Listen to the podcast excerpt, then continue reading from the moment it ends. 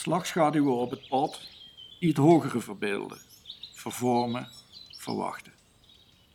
De overleden vader en meer verdrietige gedachten. Het speenkruid dat zijn kinderzonnetjes omhoog laat schijnen, een veelvoudige hemel.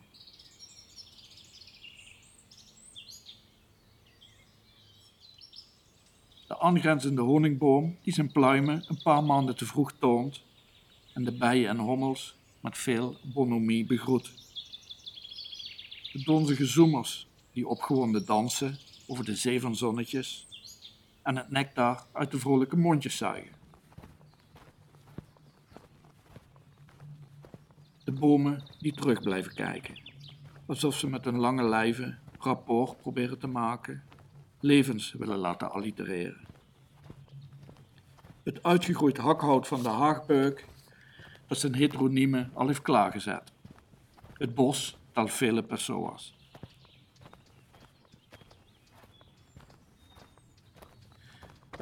Het besef dat de bomen onder de grond even groot zijn als erboven. Het wandelen over de scheidslijn tussen twee bossen. Het ene levend begraven. De zevensprong die leidt naar veertien werelden.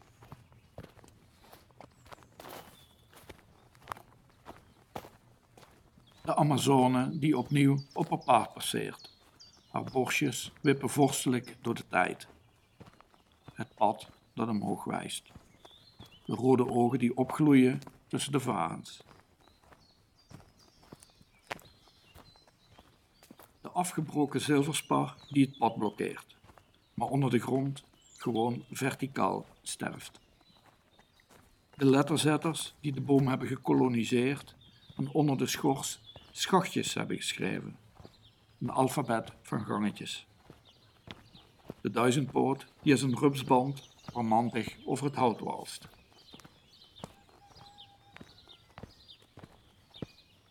Het leger fouragerende bosmieren dat onder de stam marcheert en gezamenlijk een dode springkaan meedraagt. Dit met een rotslag over de stam zwaaien. De begroeide helling aan de rechterflank die afloopt in een cascade van grof gebladerte.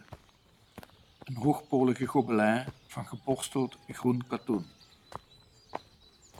De wolf die het pad kruist en verdwijnt in het gepassioneerde rood van de klaprozen die een weide willen beginnen.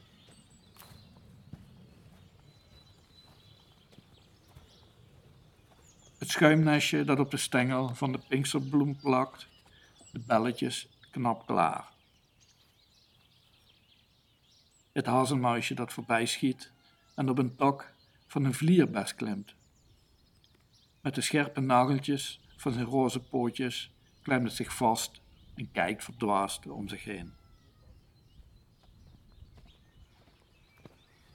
De gestage afdaling naar de bedding van de gulp. Het wilde gras dat uit de dorre bladeren omhoog schiet. De eik die met zijn gegraveerde stam talloze omhelzingen verraadt. Het denken aan het onhandige gepruts met het zakmes. Het hart dat overslaat. De zoenen die pas achteraf heerlijk waren. De afwerende handen. De onbegrijpelijke pijn in het kruis. De schaamte bij het afscheid. De boom die grimlacht. Het dichtbegroeide paadje. Een arc de triomf voor dansende tongen.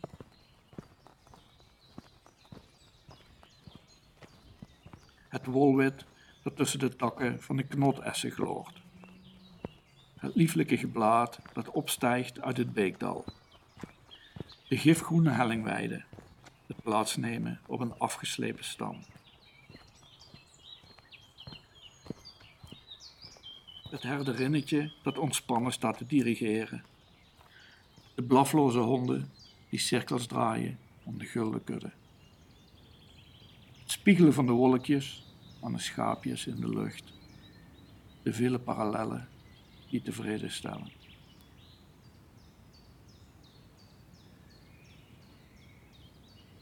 Het plateau in de verte, daar waar gekloosterd wordt volgens epicurische beginselen, daar waar de gistende lijkenlucht van de kanonikesse karakterstoornissen verzacht en bewijskracht veracht. Daar waar in de toekomende tijd wonderen worden verwacht.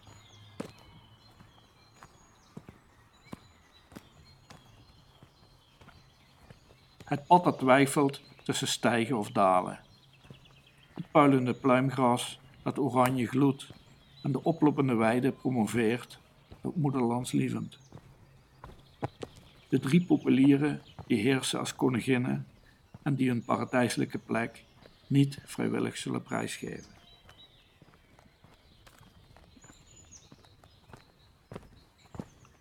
De voormalige drenkuil bekleed met een dikke laag algen. Het kroontje van een paardenbloem dat drijft op de drap. Het bruine kokerjuffertje dat uitrust op de punt van een brede grashalm. Een kamsalamander die uit het water kruipt en vervaagt in het hoge bermgras. De stekels van zijn drakenrug zijn nog net zichtbaar en schuiven als een haai door het zacht groen.